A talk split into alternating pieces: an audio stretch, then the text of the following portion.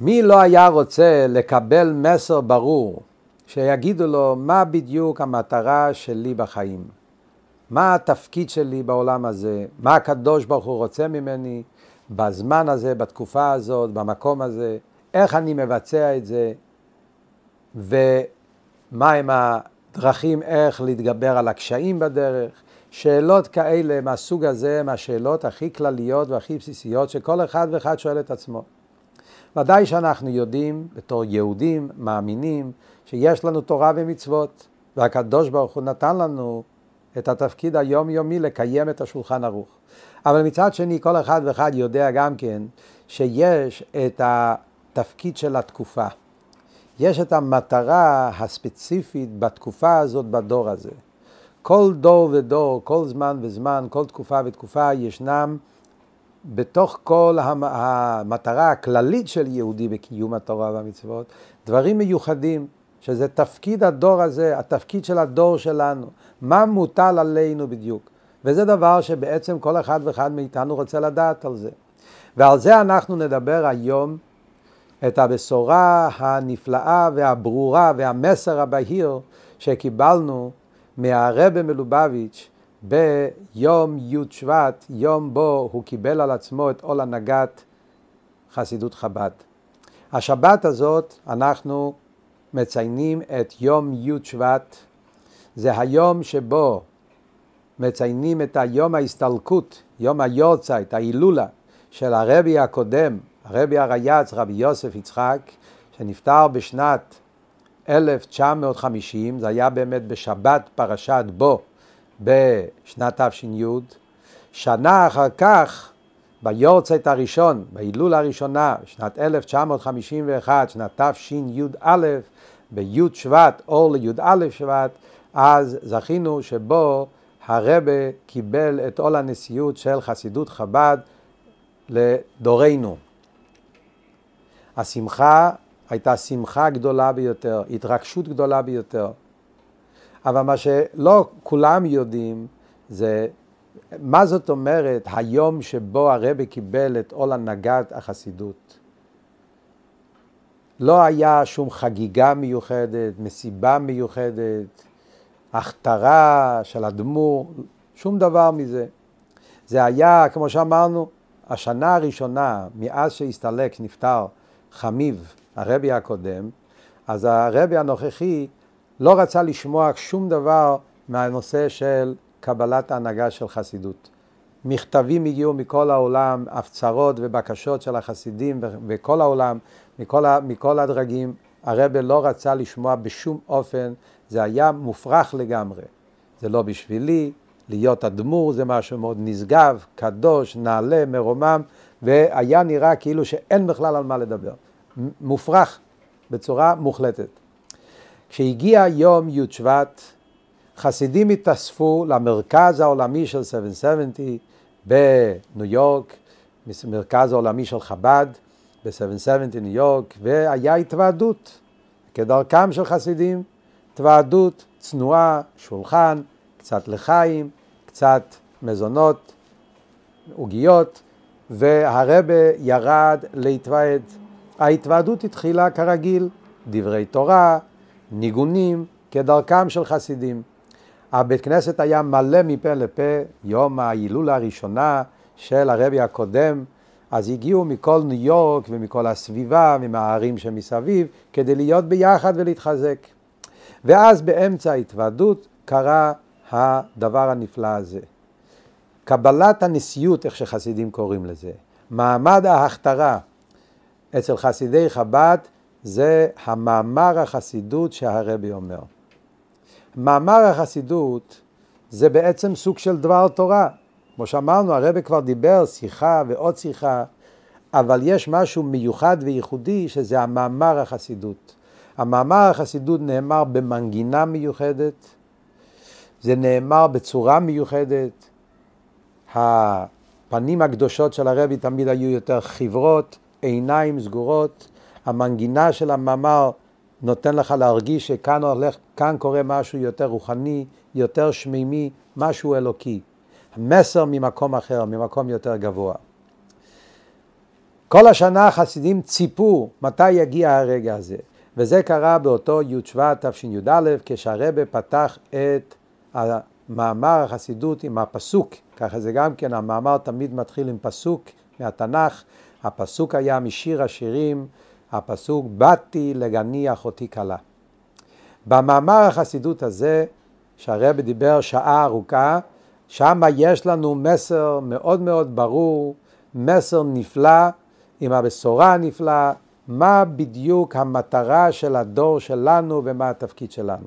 ועל זה אנחנו נדבר היום. נחלק את זה לכמה נקודות, לדעת, דבר ראשון, מהי הבשורה הנפלאה שהרבא נתן לדור שלנו, איך אנחנו משיגים את המטרה הזאת, מה התפקיד המוטל על הדור שלנו, באיזה אופנים אנחנו אמורים לבצע את התפקיד הזה, ומהם הקשיים שנערמים בדרך, איך להתייחס אליהם, וככה נקבל מסר מאוד מאוד ברור ובהיר שייתן לנו כוח, ייתן לנו כלים, ייתן לנו מידע מה בעצם הקדוש ברוך הוא מצפה מאיתנו בזמן המיוחד, בדור המיוחד, בתקופה המיוחדת שאנחנו נמצאים בכל התקופה הזאת שאנחנו מדברים עליה.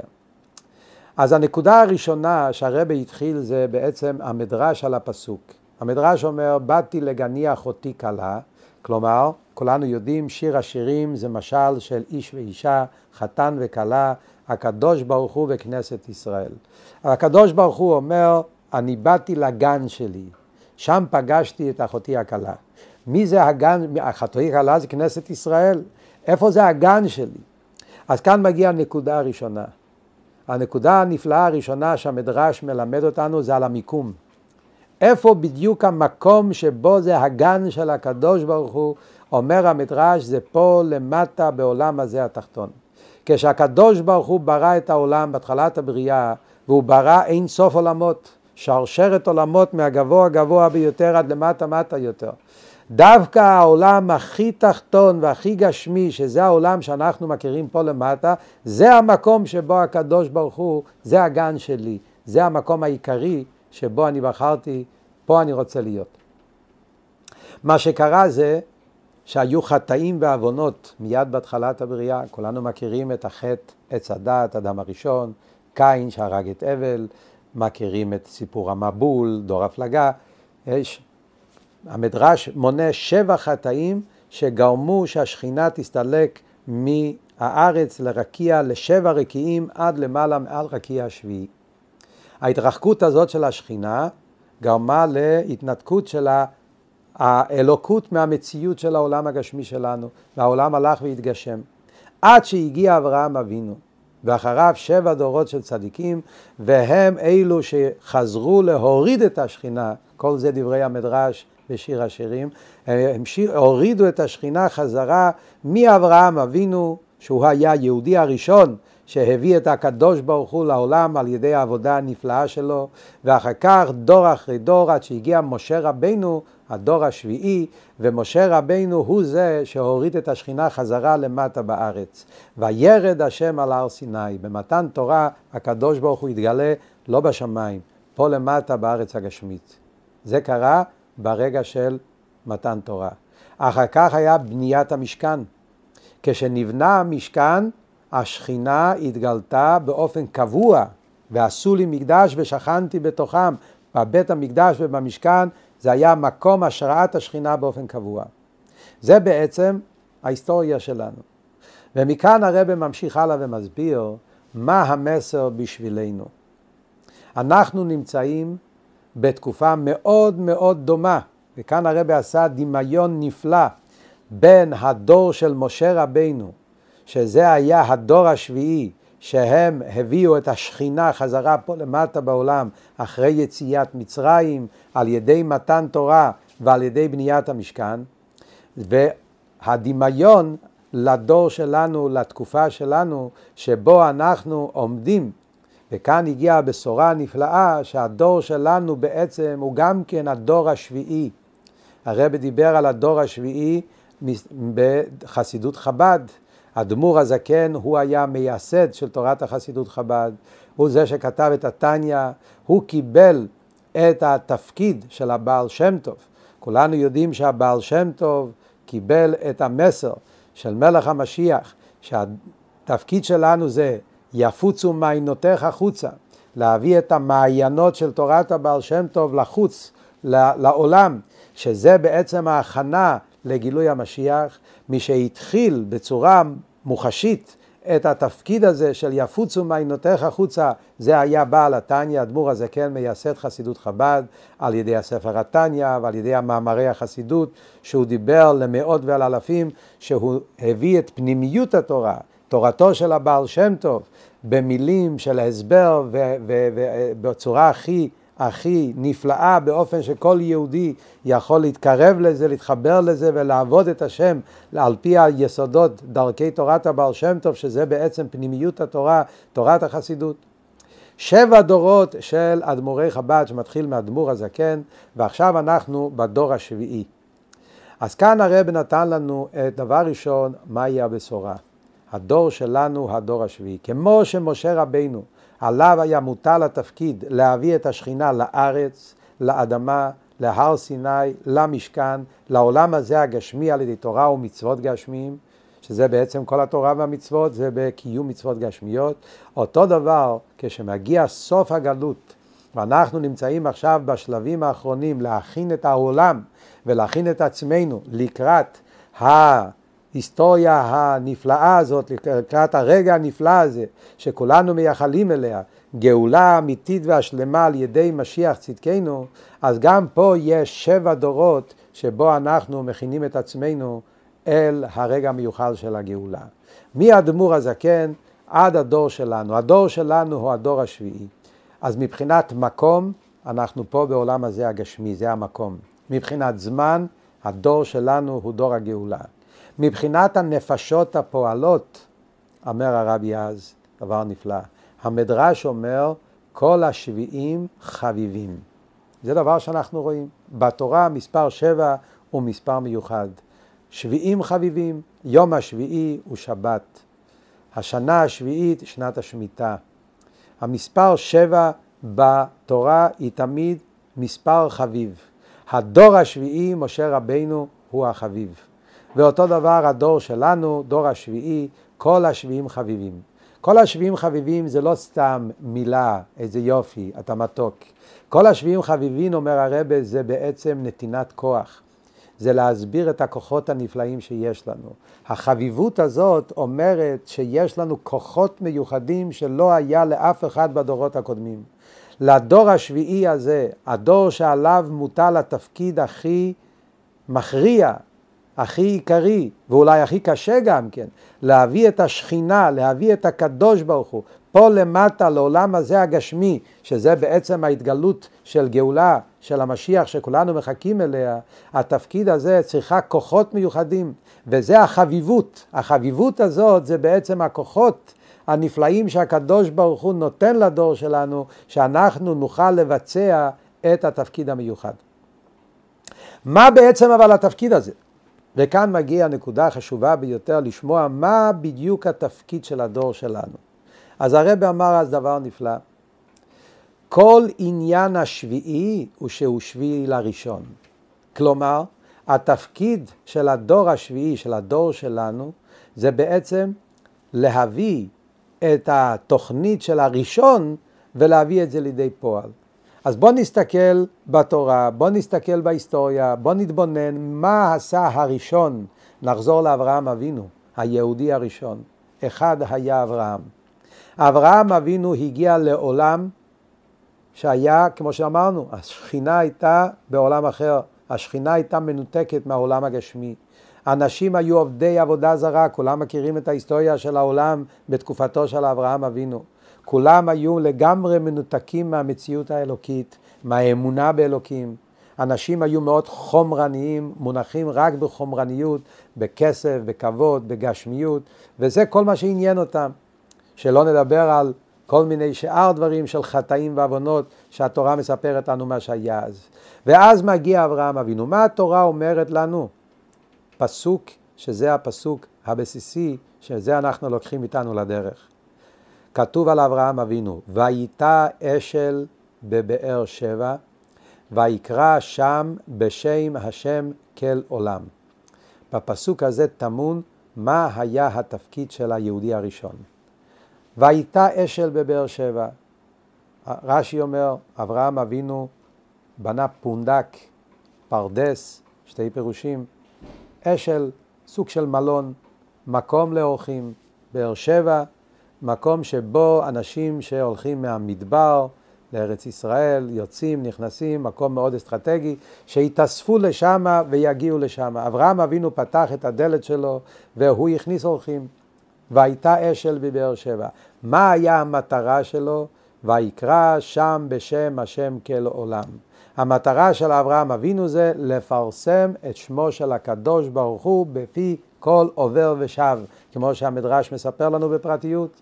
אברהם אבינו פותח את הדלת, נותן אוכל לאורחים, מאכיל ומשקה, נותן להם מקום לנוח, מלווה אותם. והמטרה הפנימית אצל אברהם אבינו זה לפרסם לכל העולם שידעו על כל עולם. מה פירוש כל עולם? אומר הרמב"ן, כל עולם זה לא רק הקל הנצחי, אלא כל עולם פירושו גם כן האלוקים של העולם. העולם במובן העולם שלנו. והוא אומר משהו נפלא, לא כתוב כל העולם, כתוב כל עולם ללמד את הבריאה שהעולם והאלוקות הם לא שני דברים נפרדים. זה לא שיש איזה אלוקים בשמיים ברקיע השביעי שם למעלה, ופה למטה זה מציאות אחרת. הקדוש ברוך הוא נמצא באיזשהו ארמון גבוה למעלה בשמיים הם המלאכים הקדושים. לא, הקל והעולם זה מציאות אחת.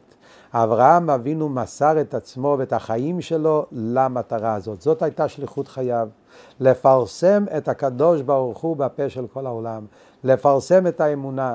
שעוד בן אדם לא רק יאמין, אלא שגם יכריז. המדרש אומר, אל תגיד ויקרא, תגיד ויקריא. הוא לא רק קרא בשם השם, הוא גרם שהם יקריאו. הוא כל כך שכנע אותם והביא אותם לאמונה האמיתית, הוא גרם לכל העולם, כמו שהמדרש אומר, גם לערביים, גם לאנשים הכי פשוטים והכי שפלים, גרם להם גם כן שיגיעו להכרה ולאמונה בכל עולם, ולא רק שהם יאמינו, אלא גם יקריאו, יפרסמו, שגם הם עצמם יהפכו לאנשים שמביאים את הבשורה הזאת לכל העולם. אומר הרב במאמר, זו היא, זהו תפקיד הדור שלנו. השביעי הוא בעצם זה שמבצע את הראשון, הוא זה שמביא את התפקיד, את החלום של הראשון לידי פועל. אז מה אמורי, מה התפקיד שלנו? זה בדיוק התפקיד שלנו היום, במציאות של ימינו, שנמצאים בעולם, והיום ברוך השם עם ישראל נמצא בכל מקום בעולם, ונמצאים בעולם כזה שאנחנו רואים את המציאות מול העיניים שלנו, את החומרניות, את החושך, את הגשמיות, והתפקיד של כל יהודי ויהודי. כמו שהרבי אמר, זה לא תפקיד של אנשים מסוימים. ישנם רבנים מיוחדים, ישנם צדיקים, ישנם מנהיגים. הרבי הדגיש וחזר והדגיש. הדבר הזה בעצם זה תפקיד של כל אחד ואחת מהדור שלנו. כל איש ואישה. כל גדול וקטן, כל מי שנמצא בדור שלנו הוא בעצם חלק מהדור השביעי הזה. כל אחד מאיתנו יש לנו את התפקיד הנפלא הזה, את המטרה הזאת, להביא את העיקר השכינה בעולם הזה התחתון. להמשיך את הקדוש ברוך הוא, לגלות את הקדוש ברוך הוא, להביא אותו פה למטה. איך עושים את זה? על ידי אל תקרא ויקרא אלא ויקריא. ללכת לעולם וללכת למקומות ולקרב עוד יהודי ועוד יהודי ולספר לו על הקדוש ברוך הוא, להביא אותו להכרה בכל עולם ולא רק שהוא בעצמו יכיר אלא שהוא גם כן יפרסם את זה בכל הסביבה שלו. זה התפקיד. אבל כאן הגיעה עוד, הגיע עוד נקודה מאוד מאוד חשובה.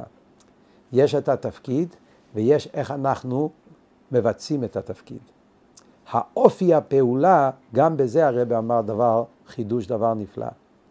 יש כמה צורות איך בן אדם פועל. כאן יש עוד נקודה מיוחדת. בדרך כלל, כשאתה רוצה לעשות משהו, יש לך תפקיד, מטרה, אה, אז יש הרבה צורות. יש אנשים שמתכננים וחושבים ומתבוננים ובודקים כל פרט ופרט, ואז רואים מהי המטרה ואיך עושים את זה, ומה אני ארוויח מזה, ואיך אני ארוויח מזה. זה צורה אחת של עבודה. אז הרבי אז דיבר משהו נפלא. באופי הפעולה שאנחנו צריכים לעבוד בדור שלנו, זה אופי פעולה שזה סוג של, שהרבא קרא לזה, התנהגות בצורה של למעלה מטעם ודת. בסגנון אחר הוא קרא לזה שטות של קדושה. מה זאת אומרת? שטות של קדושה. נסביר את זה קצת במילים שלא ניבהל מה הכוונה.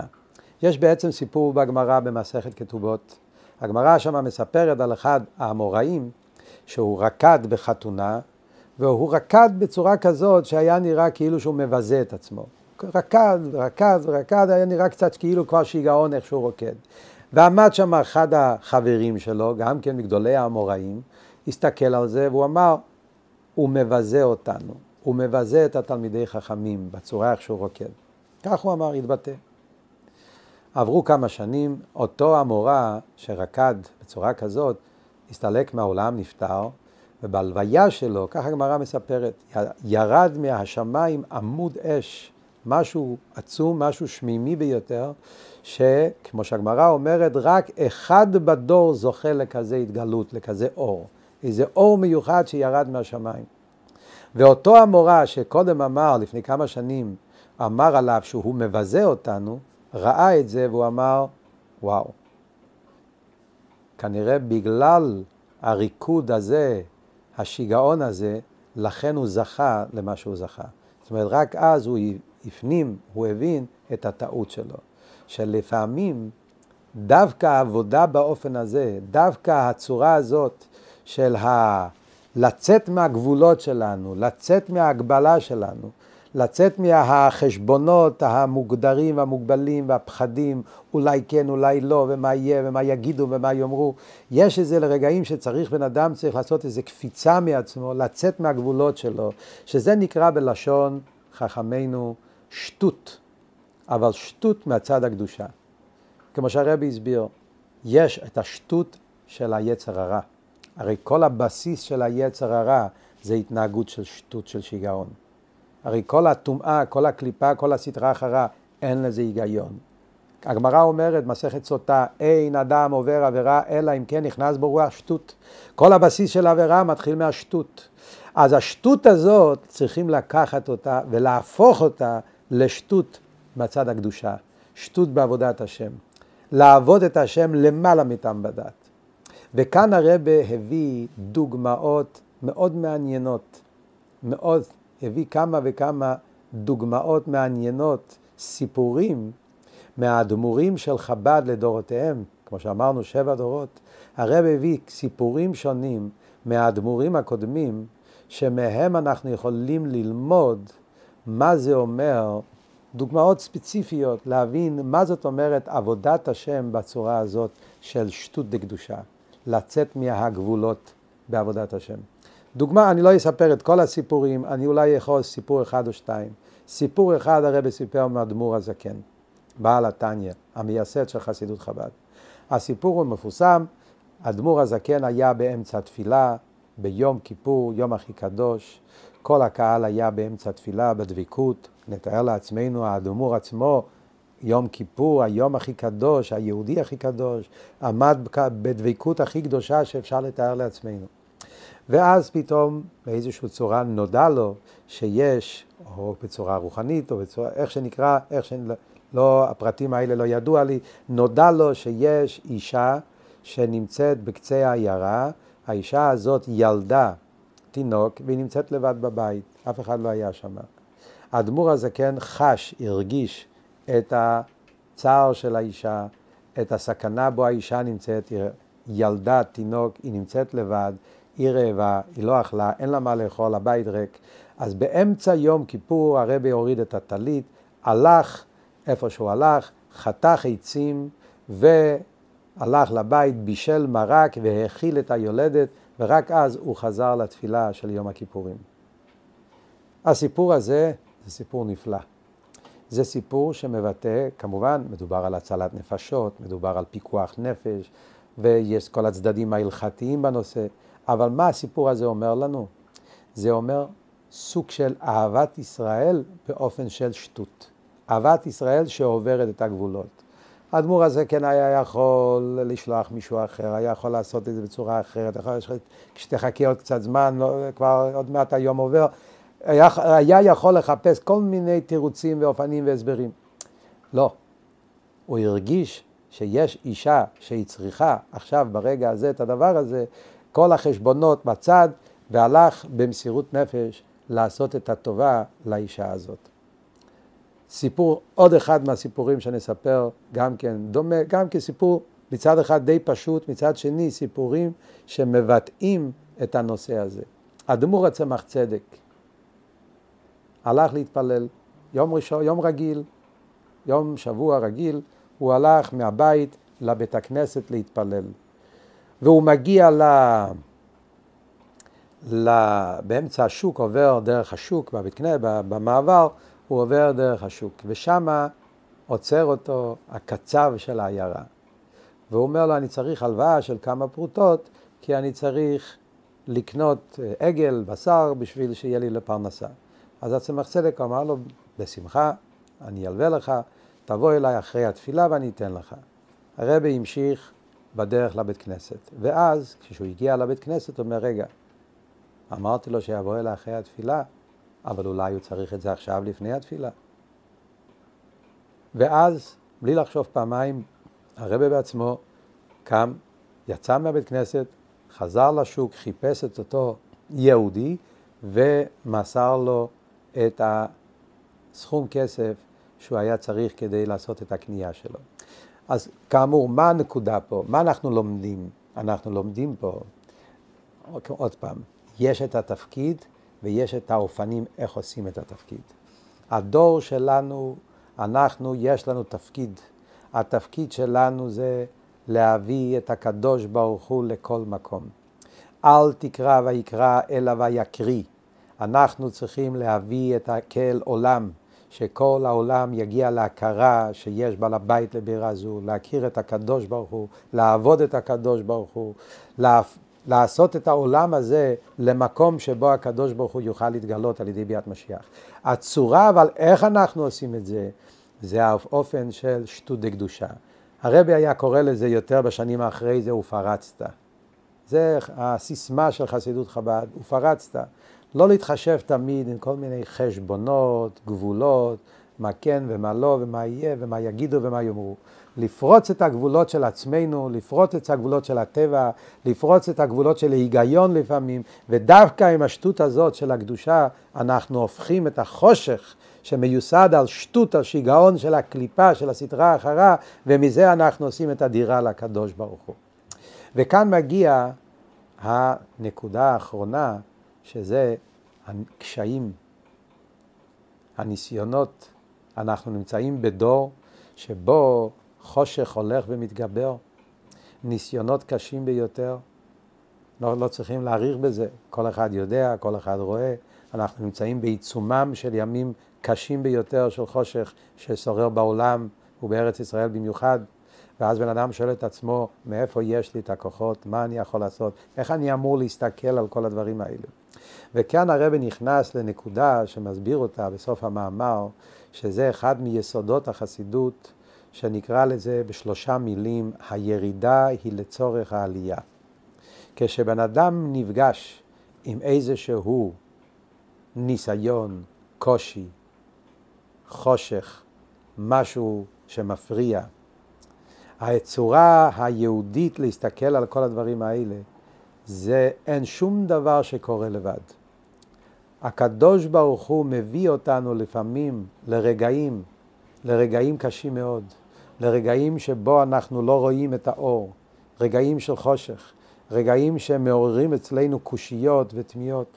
מה אנחנו אמורים, מה אמור להיות התשובה של היהודי? לא להתחיל לחפש תירוצים והסברים ולמה השם עושה את זה ומה המטרה ולהתחיל בוויכוחים והסברים ופירושים. אלא לדעת שכל זה, זה בעצם לתת לנו את הכוח להתגבר על החושך הזה, וכשיהודי מחליט לא להתרגש מהחושך, ולהבין שדווקא פה הוא הולך להתגבר ולגלות כוחות יותר עצומים, כוחות יותר נעלמים, יותר עמוקים שחבויים אצלו. זה פורץ החוצה, ואז דווקא החושך הכי גדול הופך להיות לאור הרבה יותר גדול. כדי להגיע לעלייה הכי גדולה שהקדוש ברוך הוא רוצה להביא אותנו, צריכים לעבור את הירידה הזאת שאנחנו עוברים. עם כל מיני דוגמאות הרב מסביר את זה, אבל המסר הוא מסר מאוד ברור. התפקיד שלנו והמטרה שלנו. אז מה יהיה הבשורה של המאמר שהרב אמר לנו? אנחנו דור השביעי, הגאולה שנמצאת כבר בפתח, משיח צדקנו כבר מוכן ועומד להתגלות ולהביא את הגאולה לעולם. העולם מוכן לרגע של ההתגלות הגדולה של השכינה פה למטה בעולם הזה גשמי. איפה אנחנו מביאים את השכינה? פה למטה. מתי? בדור שלנו, בזמן הזה. מי עושה את זה? כל אחד ואחד מהדור שלנו. איך אנחנו עושים את זה? ללמוד מאברהם אבינו, מהיהודי הראשון, איך לא להתרגש מהסביבה, מה, מהמסביב, אלא להביא את הקל עולם לכל אחד ואחד, להביא את הקדוש ברוך הוא ואת התורה והמצוות לכל יהודי. הצורת העבודה צריכה להיות ללכת נגד הטבע שלנו, נגד ההיגיון שלנו, להתרומם מעל הטבע, להתרומם מעל ההיגיון, השטות של קדושה, ועם זה אנחנו נשבור את השטות, את החושך, את החום של הצד השני של הקליפה והסדרה האחרה, ואז אנחנו נזכה שיתקיים הפסוק שכולנו מצפים ומחכים ומייחלים, שנזכה לראות את ההתגלות האלוקית פה למטה, השם ימלוך לעולם ועד. והיה השם למלך על כל הארץ, ביום ההוא יהיה השם אחד ושמו אחד, שנזכה בקרוב ממש להתראות יחד עם הרבה, שהוא ייקח אותנו, כל אחד ואחד מאיתנו, שנזכה ללכת אל הגאולה השלמה על ידי משיח צדקנו.